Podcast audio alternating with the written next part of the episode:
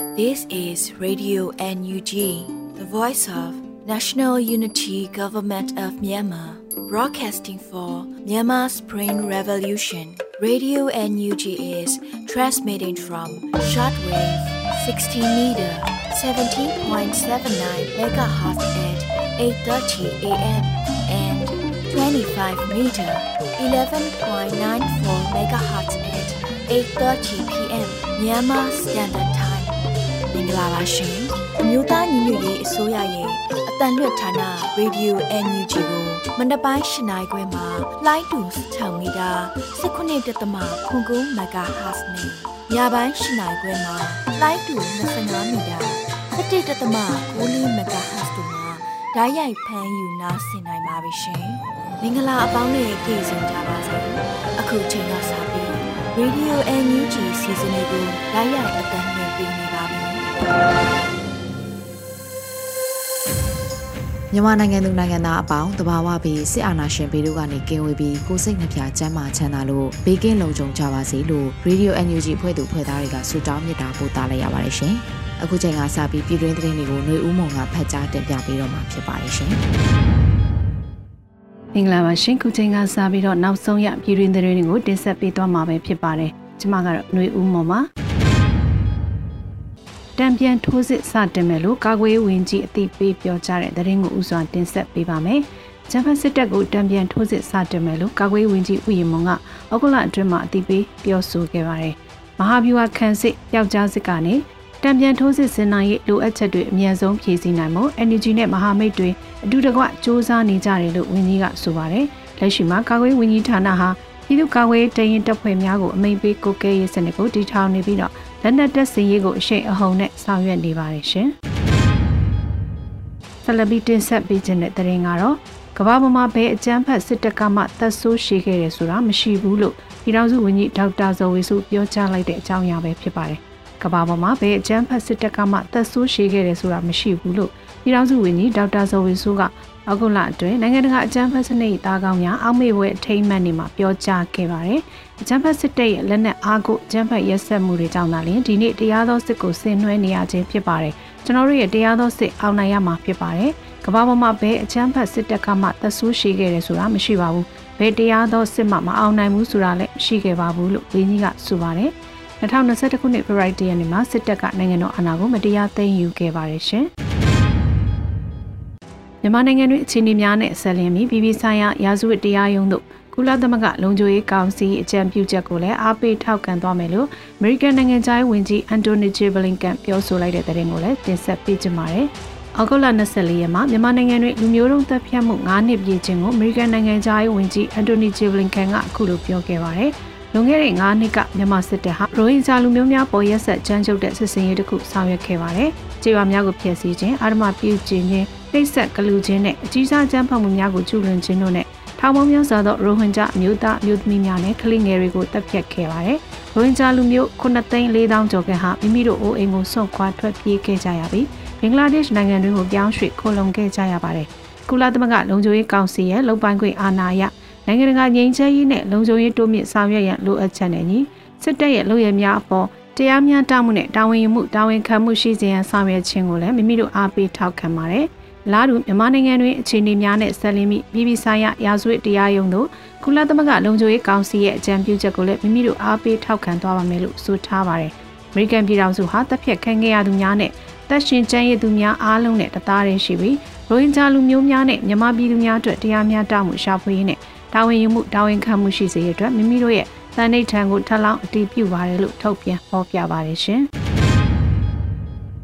ဩစတြေးလျနိုင်ငံရောက်မြန်မာနိုင်ငံသားများကြုံတွေ့နေရတဲ့နိုင်ငံကူးလက်မှတ်သက်တမ်းတိုးခြင်းအခက်အခဲကိုဆိုရအဆင့်ဖြည့်ရှင်းပေးနိုင်မှု NUG အစိုးရကကြိုးစားနေတယ်လို့ဆိုတဲ့သတင်းကိုလည်းတင်ဆက်ပေးပါမယ်။ဩစတြေးလျနိုင်ငံရောက်မြန်မာနိုင်ငံသားများကြုံတွေ့နေရတဲ့နိုင်ငံကူးလက်မှတ်သက်တမ်းတိုးခြင်းအခက်အခဲကိုအစိုးရအဆင့်ဖြည့်ရှင်းပေးနိုင်မှု NUG အစိုးရကကြိုးစားနေတယ်လို့ဆိုပါတယ်။အခုလအတွင်းမှာဩစတြေးလျနိုင်ငံ NUG မြန်မာကိုယ်စားလှယ်ဦးထွန်းအောင်ဆွေကလူမှုကွန်ရက်မှာအသိပေးဆိုထားပါတယ်။ အော်စီယာမြန်မာပြည်သားတွေအကြားမှာနိုင်ငံကူးလက်မှတ်တက်တန်းထိုးခြင်းဟာအခက်အခဲကြီးတစ်ခုဖြစ်လာနေပါတယ်။တော်လည်ရေးနဲ့ကင်းကင်းနေသူတွေကတော့စစ်ကောင်စီတစ္ဆာခံရုံးမှာအခက်အခဲမရှိတက်တန်းတိုးနိုင်ပေမဲ့တော်လည်ရေးမှာတနည်းတစ်ပုံပါဝင်ပတ်သက်နေသူတွေအတွက်တက်တန်းတိုးရမှာပြည့်စွက်ပေးရမယ့်မိသားစုချက်လက်တွေကြောင့်မြန်မာပြည်ကသူတို့မိသားစုတွေအတွက်စိုးရိမ်မကင်းဖြစ်ရပါတယ်။ ဒါကြောင့်တက်တမ်းမတိုးပဲနေကြရကနေသူတို့တွေ passport တွေတက်တမ်းကုန်သွားကြရပါတယ်။ NUG ရုံးအနေနဲ့တဦးချင်းရဲ့အခက်အခဲကိုကူညီဖြည့်ရှင်းပေးနေပေမဲ့အစိုးရကဒီအနေထားကိုလန့်ခြုံသုံးသပ်ပြီးအစိုးရအဆင့်ဖြည့်ရှင်းပေးနိုင်မှုစူးစမ်းဆောင်ရွက်နေပါတယ်လို့ဆိုထားပါတယ်။တက်တန်းတို့ဖို့ခက်ခဲနေတဲ့မြန်မာနိုင်ငံသားများကိုအော်စီဆိုရကမြန်မာပြည်မပြန်မဲနေခွင့်ရအောင်ဗီဇာမျိုးမျိုးနဲ့ခွင့်ပြုပေမဲ့တက်တန်းကုန်သွားတဲ့ passport ကြောင့် အလောက်ကိုင်းရှာဖွေရတာဗန်စီရင်ဖွင့်တာရှင်မောင်းလိုင်စင်စတဲ့အရေးကြီးစာရွက်စာတမ်းပြုလုပ်ရတာတွေမှာခက်ခဲကြုံတွေ့နေရတာဖြစ်ပါတယ်ရှင်။ဖောင်းမြင်မြို့နယ်အတွင်းရှိရွာများကိုစစ်ကောင်စီတပ်ကကုံတင်ရရင်နဲ့စီရရင်တို့မှလက်နက်ကြီးများနဲ့ရန်တမ်းပစ်ခတ်တဲ့တရင်ကိုလည်းတင်ဆက်ပေးပါမယ်။ဖောင်းမြင်မြို့နယ်အတွင်းရှိရွာများကိုစစ်ကောင်စီတပ်ကကုံတင်ရရင်နဲ့စီရရင်တို့မှလက်နက်ကြီးများနဲ့ရန်တမ်းပစ်ခတ်ခဲ့ပါတယ်။။ ဩဂုတ်လ22ရက်ခန်းဒီဘက်မှစုံစင်းလာတဲ့စစ်ကောင်စီတပ်ရဲ့ကုန်တင်ရင်6စင်းအုပ်စုဟာဖောင်းမြမြို့နယ်တွင်ဖြတ်တန်းလာရမှမြေကမ်းပေးကြီးရွာများကို6မမ RPG 7 40မမလက်နက်ကြီးများဆက်တနများနဲ့ရန်တမ်းပစ်ခတ်သွားခဲ့တယ်လို့ဖောင်းပြင် PDF ကဆိုပါတယ်။အဲဒီနောက်ညနေ3:30မိနစ်မှာမောင်စဖာရွာကိုပြစ်ခဲ့ရလက်နက်ကြီးကြားရောက်ပောက်ကွဲပြီးအသက်10နှစ်ရွယ်ကလေးငယ်တူတရားရခဲ့ပါတယ်။ ဒါအပြင်ကရာအုပ်စုမြို့မရွာတာစီရွာကရာရွာတို့ကိုဆက်လက်ပစ်ခတ်သွားခဲ့ပါတယ်။၎င်းရရင်များမှာခန္ဒီထာမအကျဉ်းသားများပြူစောထင်းများနဲ့စစ်ကောင်စီတပ်သားစုစုပေါင်းအင်အားတရာကျော်ပါတယ်လို့သတင်းရရှိပါတယ်ရှင်။ အသိမုံရွာလက်မြောက်ရမတတားနဲ့ရဲတက်ရင်28ကြောင့်မိုင်းခွင်းနဲ့ဝင်လာပြီးမိုင်းဖြုတ်ဖို့ကြိုးစားတဲ့ရင်များမိုင်းခွဲခံရပြီးဒီကနေ့မနက်3ဦးသေဆုံးတဲ့သတင်းကိုလည်းတင်ဆက်ပေးပါမယ်။အခုလ25ရက်နေ့နဲ့8:55မိနစ်ချိန်မှာရဲများကိုမိုင်းခွဲတိုက်ခိုက်ခဲ့တယ်လို့ Regional Front Fighters RFF ကခုလို TV ပြောဆိုပါရယ်။နနက်8:55မိနစ်အချိန်ဂျေနီတဲရန်ကားများကိုလုံခြုံရေးယူပေးဖို့ထွက်လာတယ်လို့ယူဆလို့ရတယ်။ တက်ကြိုးကုန်းနဲ့ရဲတရဲ28မှထွက်လာတဲ့ရဲရှိဦးဟာအသိမုံရွာလက်မြောက်ရမတတားနဲ့ရဲတရဲ28ကြားမိုင်းကွင်းထဲသို့ဝင်ကမိုင်းများကိုဖြုတ်မိပြီးမှမိုင်းဆွဲတိုက်ခိုက်ရရဲသုံးနေရာမှာတေဆုံးခဲ့တယ်လို့ဆိုပါတယ်လို့ဆိုထားပါတယ်။စစ်စင်ရေးကို Regional Front Fighters နဲ့ရင်းမပင် Fighter Brotherhood Guerrilla Army တို့ဆောင်ရွက်ခဲ့ပါတယ်။ကျန်းရှိရဲငောင်းမှာတရားများစွာရရှိသွားကြပါတယ်ရှင်။ ဘောင်ဆန်းစုကြည်ရဲ့တာငယ်ကိုထိန်လေးရဲ့တစ်ထွင်းပကြီးစံရည် project မှာရရှိတဲ့မဲလက်မှတ်ရောင်းချရငွေအားလုံးကိုဒေါ်လာရင်းနဲ့ဘေးဒဏ်သင့်ပြည်သူတွေအတွက်လှူဒန်းသွားမယ်ဆိုတဲ့အကြောင်းအရာကိုဆက်လက်တင်ဆက်ပေးပါမယ်။ဒေါန်ဆန်းစုကြည်ရဲ့တာငယ်ကိုထိန်လေးရဲ့တစ်ထွင်းပကြီးစံရည် project မှာရရှိတဲ့မဲလက်မှတ်ရောင်းချရငွေအားလုံးကိုဒေါ်လာရင်းနဲ့ဘေးဒဏ်သင့်ပြည်သူတွေအတွက်လှူဒန်းသွားမယ်လို့အောက်တိုဘာ25ရက်နေ့မှာ ဒေါ်လာရမုံငွေရှာဖွေသူမပန်ဆယ်လိုကဆိုထားပါတယ်။ဆိုင်ရင် project လေးစတင်ပါပြီ။မတရားအာဏာလူဖြစ်စင်မှာမတရားဖမ်းဆီးချုပ်နှောင်ခံထားရတဲ့နိုင်ငံတော်အတိုင်ပင်ခံပုဂ္ဂိုလ်လူလူကောင်းဆောင်အမေတော်အောင်ဆန်းစုကြည်ရဲ့တာကိုထိန်လင်းကိုတိုင်းဖန်တီးထားတဲ့တစ်ထွင်းပကြီးကားလေးရဲ့လက်မှတ်တွေကိုစတင်ရောင်းချတော့မှာဖြစ်ပါတယ်။မဲလက်မှတ်တစ်စောင်ကို US ဒေါ်လာ100နဲ့ဟာပါလင်နေကသက်ဆိုင်ရာနိုင်ငံလိုက်ဖန်ရီဇာတွေစီကနေဝစတင်ဝယ်ယူနိုင်ပါပြီ။မဲလက်မှတ်ရောင်းချရငွေအလုံးကိုမတရားမှုကိုဒေါ်လာမှုနဲ့ ဘေးရန်သင့်ပြည်သူတွေအတွက်အပြည့်အဝပြန်လည်လှူဒါန်းသွားမှာဖြစ်ပါတယ်လို့ဆိုပါတယ်။ဆိုင်ရည်မြင့်ရှိတဲ့တစ်ထွင်းပကြီးရဲ့ကန်ထူးသူကိုကိုထိန်လင်းကိုရိုင်း live နဲ့မဲနှိုက်ပေးသွားမှာဖြစ်ပါတယ်ရှင်။ခုတင်ပြပေးခဲ့တဲ့သတင်းတွေကိုတော့ Radio NUG သတင်းတောက်မင်းမင်းကပေးပို့ထားတာဖြစ်ပါတယ်။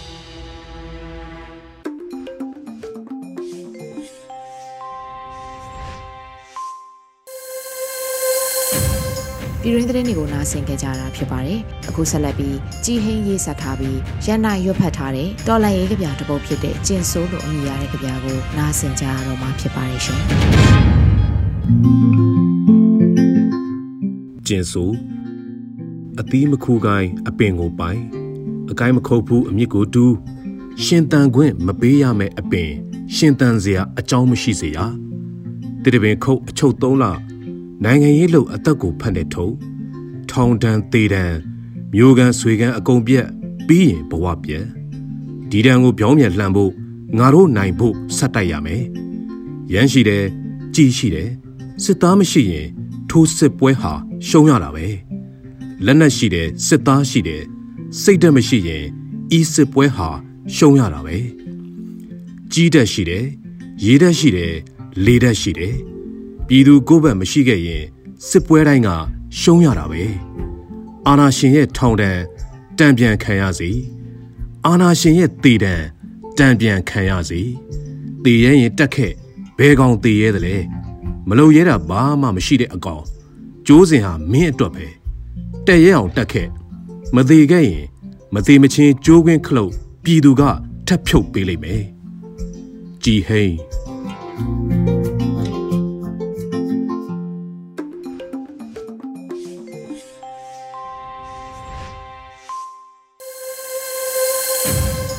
အခုဆက်လက်ပြီးမြမနွေဦးခရိုနီကယ်ဩဂုတ်24မြင်ကွင်းစကိုင်းတိုင်းအထက်ပိုင်းကပြင်းထန်လာတဲ့တိုက်ပွဲနဲ့ကရင်ပြည်နယ်မှာဆက်လက်ဖြစ်ပွားနေစေဝေါ်လီတိုက်ပွဲလို့အမည်ရတဲ့မုံမခဆောင်းပါကိုနွေဦးလေးတွေကဖတ်ကြားတင်ဆက်ပေးထားပါတယ်ရှင်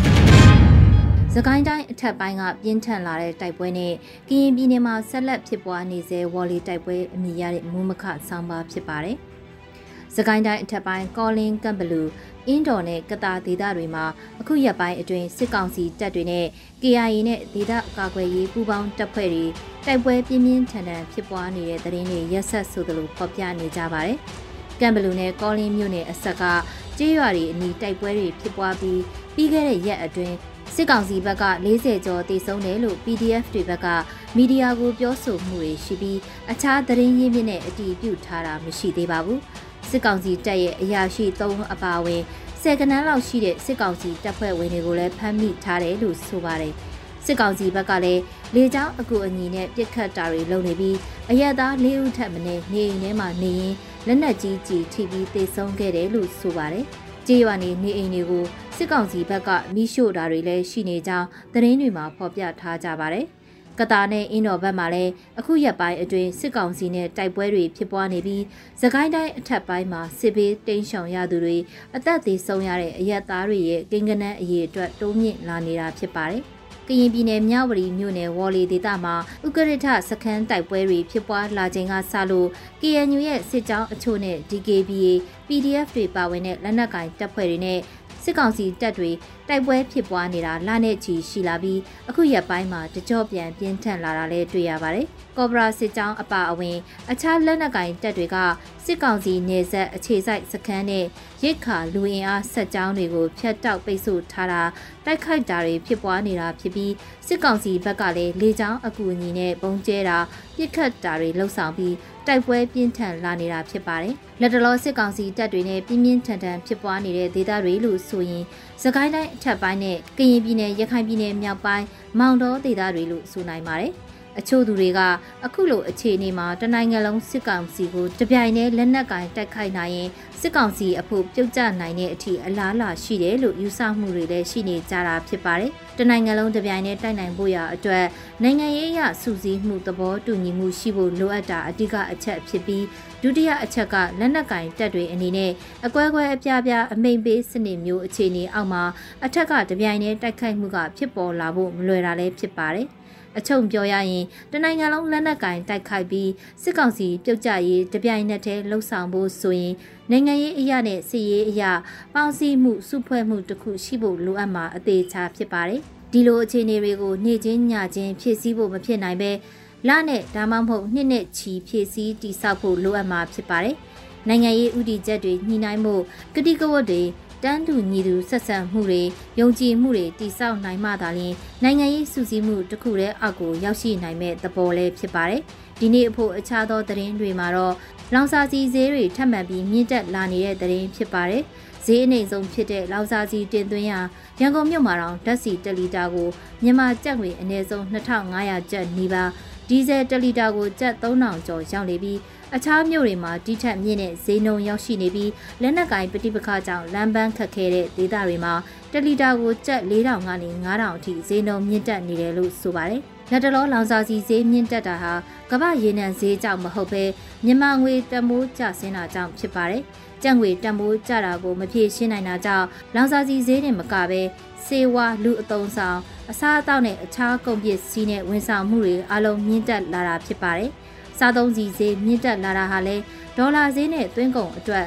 ဒေါ်လာကိုထိန်းချုပ်လိုက်တာကြောင့်မြင့်တက်လာတာဖြစ်ပြီးဟိုးမဆလာနဲ့စစ်အစိုးရခေတ်တွေကလိုလမ်းမှာစားသုံးစီဝယ်ဖို့တန်းစီကြတဲ့မြင်ကွင်းတွေအခုရက်ပိုင်းမှာမြင်တွေ့လာရနေတာဖြစ်ပါတယ်။တရားဥပဒေမစိုးမိုးခြင်းနဲ့ကုန်စည်နှုန်းတွေမြင့်တက်လာခြင်းစားဝတ်နေရေးကြက်တဲလာခြင်းရဲ့အကျိုးဆက်ကတော့နေ့စဉ်လူရက်မှုတပ်ဖြတ်မှုဓမြတိုက်မှုတွေဖြစ်ပွားနေတာဖြစ်ပါတယ်။ ဒီနေ့သတင်းတွေထဲကြိုက်လက်မြမစီးပွားရေးဘဏ်ကိုဓမြတိုက်တဲ့သတင်းပြီးခဲ့တဲ့ရက်ပိုင်းကမော်လမြိုင်မြို့မှာနေကင်းချိန်မှာပဲနေအိမ်ထဲဝင်ပြီးပစ္စည်းယူလူတက်သွားတဲ့သတင်းမြစ်ကြီးနားမှာတခိုးကအင်ရှင်ကိုတပ်ပြီးပစ္စည်းယူသွားတဲ့သတင်းတွေကလူမှုစီးပွားအခြေအနေဆိုးရွားလာနေသလိုတရားဥပဒေစိုးမိုးမှုမရှိတော့တာရော့ရဲလာတာကိုပြသနေတာလည်းဖြစ်ပါတယ်။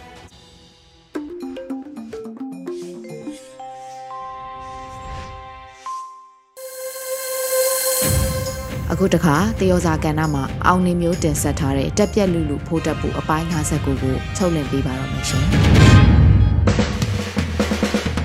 တော်စေအကြောင်းတွေတက်ပြက်လူလူမထူးစားခင်းနေပါဖိုးတက်ပူတက်ပြက်လူလူ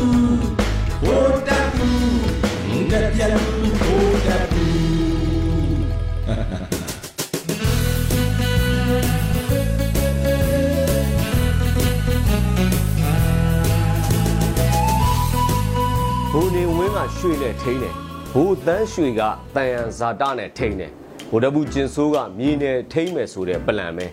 အာနာရှင်ချင်းတူပေမဲ့မတူတာတွေတော့ရှိတယ်ဟမ်ဥပမာပြောရင်ငစိမ့်တဲ့လောကမှာလို့ပေါ့ငေါ်ကင်းငတလောက်90ငချင်းခုံ90နဲ့ရင်မောင်စာရောင်းတဲ့90စသည်အစစ်စင်ကွာတယ်လို့မျိုးပေါ့ဗျာသူ့အစင်ကလည်းဒန်အိုဒန်ကွက်စုပ်တွေနဲ့ဘဲကြီးလော်နဲ့လဲတယ်ဆိုတဲ့အဆင့်လောက်ရှိတယ်ထင်ပါတယ်အခုလဲရုရှားစီနဲ့မြေနဲ့လဲဖို့လုပ်နေပြန်ပြီတ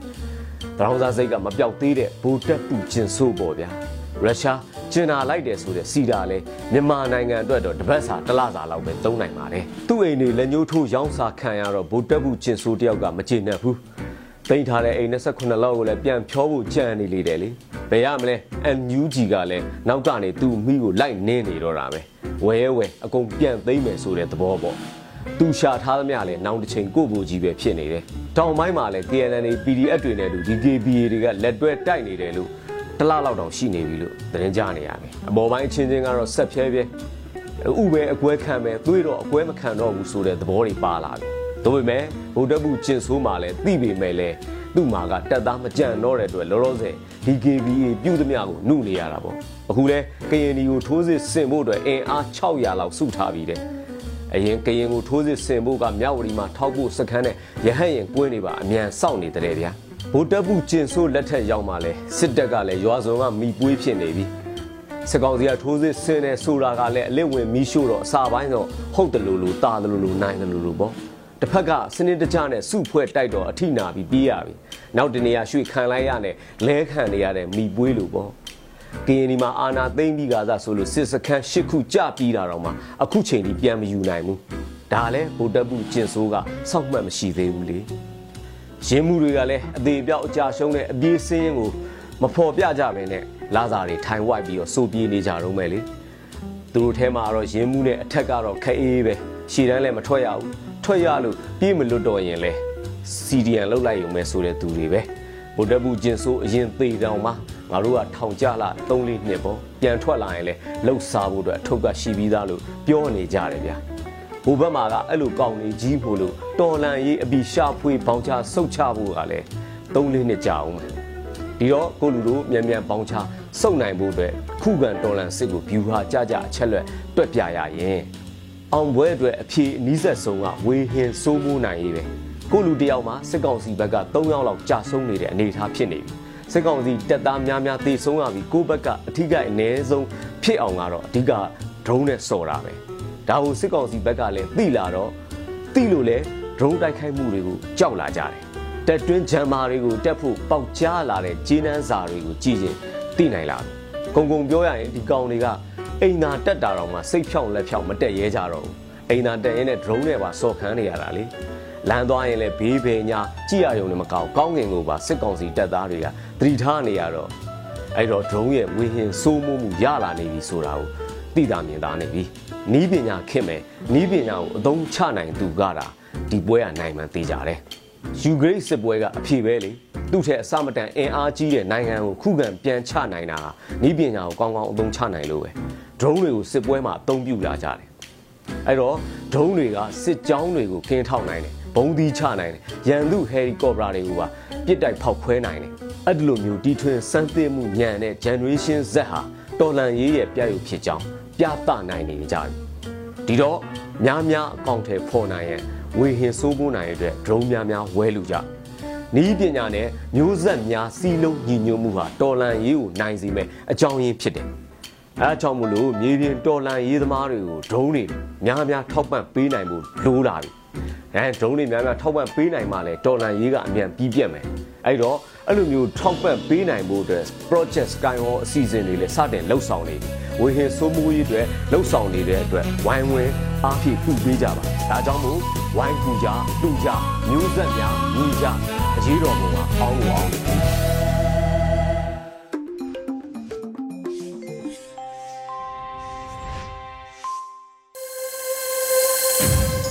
ဆက်လက်ပြီးတော်လန်ရေးတေဂီတာအစီအစဉ်လေးနဲ့နှွေဦးပြည်သူတွေတည်ဆိုတင်ဆက်ထားတဲ့နှွေဦးတော်လန်ဒိုအရေးဆိုတဲ့တေးသချင်းကိုနားဆင်ကြပါတော့မယ်ရှင်။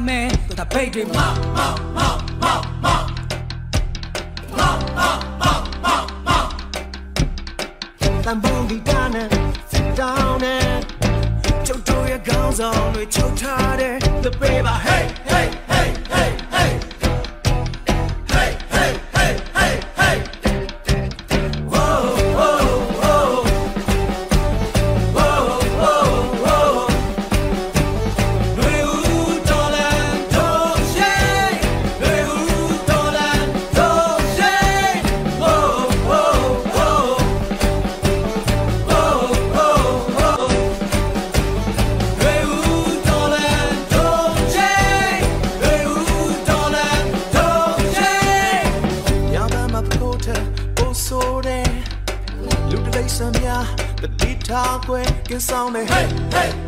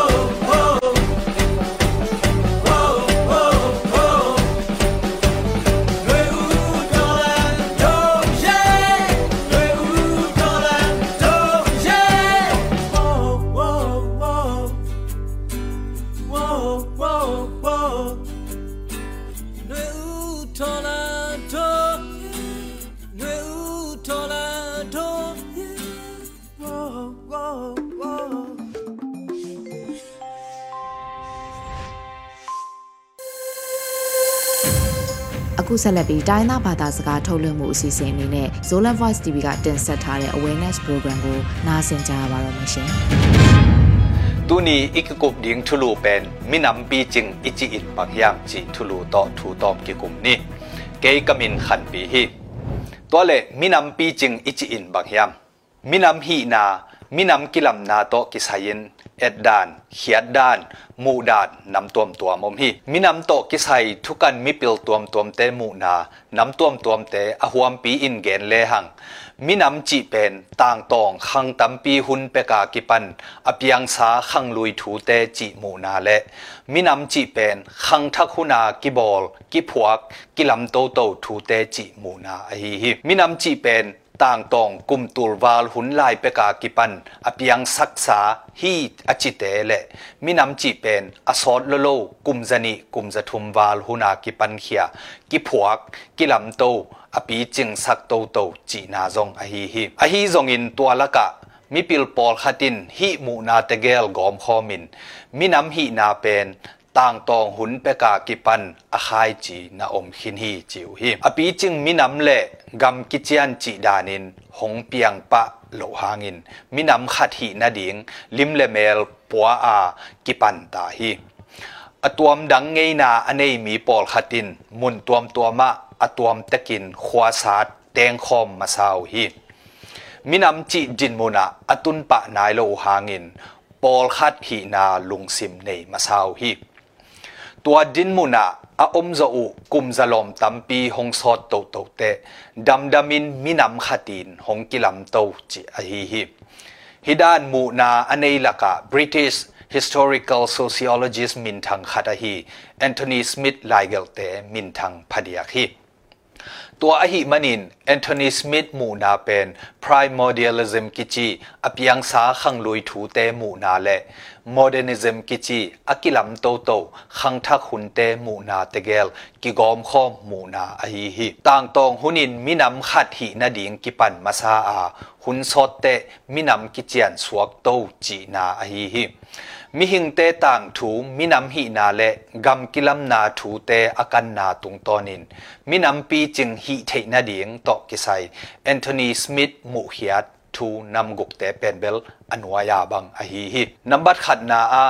ต่างปีต่างตาขัดปอลขัดหีนาลำลานา collective identity จิมินำมินขัดกิสัมมาซาฮินำบัดนีนาอาขังกุยขัดเบขัดพุงขัดปนาขังแคคอม common ancestry hi hang chi upna nei ta ko hi number thum na a nam khat sunga om mi pi tengin akibang tang thu tua hop khak thu common historical memories nei kho mu hi chi um na zong a hi hi number lina a gamle le mun le mual kichian specific territory nei o a ตัวเลยตั้งมามาส่งอีตินลุงซิมกิจบนา attachment เข้าตักินในอยู่ฮีนับบัดงานาอากำเป้าเบียงนาตัดเสียแหกเสียตอนเสียจีเตเลทุกคนเตสิกสนินอากิบังขอมไงนาขัด culture ขัดในขอมูฮีนับบัดกุกนาอามินำขัดฮีหังจิมินำฮีนาถูเตลเจียนตักินเทขอมูฮี hi thuguk te pen minam ki chian minam pi ching a hi thei na ding a bei ziaw amang thang ziaw lo minam te pi chin na din mun te a hi hi minam chi pen uk zo thu dei zo thu a minam khat ki chi ziaw ziaw thei lo hi hi thuguk te akim le minam ki chian suak thei pan a hi hi hi thuguk te atel nop le atom thei pen ding in gen phakik le hang มินำกิจันอิจิเตน้ำมินในต่างปีต่างตาปอลขัดินส่วนขัดสงขัดฮีหังจิต่างทูเลตัวหักทูเตในขอมัวเงยนาตัดเสียเตกิบังอินตัวสวงมุนเลมวลในขอมินทุหัวลินอาอมคอมเตเป็นมินำกิจันฮีจิอฮีฮีเจ้ามีเตจงมินำปีจึงฮีเทนดิงฮีทูเตลุงงายินขุดกิเลนินกาลสวนโตโตนี้ lungdam zolen voice tv pan ke kamin khan pi hi mai kala ki booking ni ဒီကနေ့ကတော့ဒီညနေပဲ Radio NUG ရဲ့အစီအစဉ်လေးကိုခေတ္တရ延လိုက်ပါမယ်ရှင်မြန်မာစံတော်ချိန်မနေ့၈နိုင်ခွဲနဲ့ည၈နိုင်ခွဲအချိန်တွေမှာပြောင်းလဲဆိုပြကြပါလို့ရှင် Radio NUG ကိုမနက်ပိုင်း၈နိုင်ခွဲမှာလိုင်းတူ16မီတာ19.7မဂါဟတ်နဲ့ ညပိုင်း၈နိုင်ခွဲမှာလိုင်းတူ25မီတာ17.6မဂါဟတ်တို့မှာဓာတ်ရိုက်ဖမ်းယူနားဆင်နိုင်ပါပြီရှင်မြန်မာနိုင်ငံသူနိုင်ငံသားများကိုစိတ်နှဖျားစမ်းမချမ်းသာလို့ဘေးကင်းလုံခြုံကြပါစေလို့ Radio NUG ရဲ့ဖွဲ့သူဖွဲ့သားများကဆုတောင်းလိုက်ရပါတယ်။ San Francisco Bay Area အခြေဆိုင်မြန်မာမိသားစုများနိုင်ငံတကာကစေတနာရှင်များ လိုအားပေးများရဲ့ Radio NUG ဖြစ်ပါတယ်ရှင်။အရေးတော်ပုံအောင်ရမည်။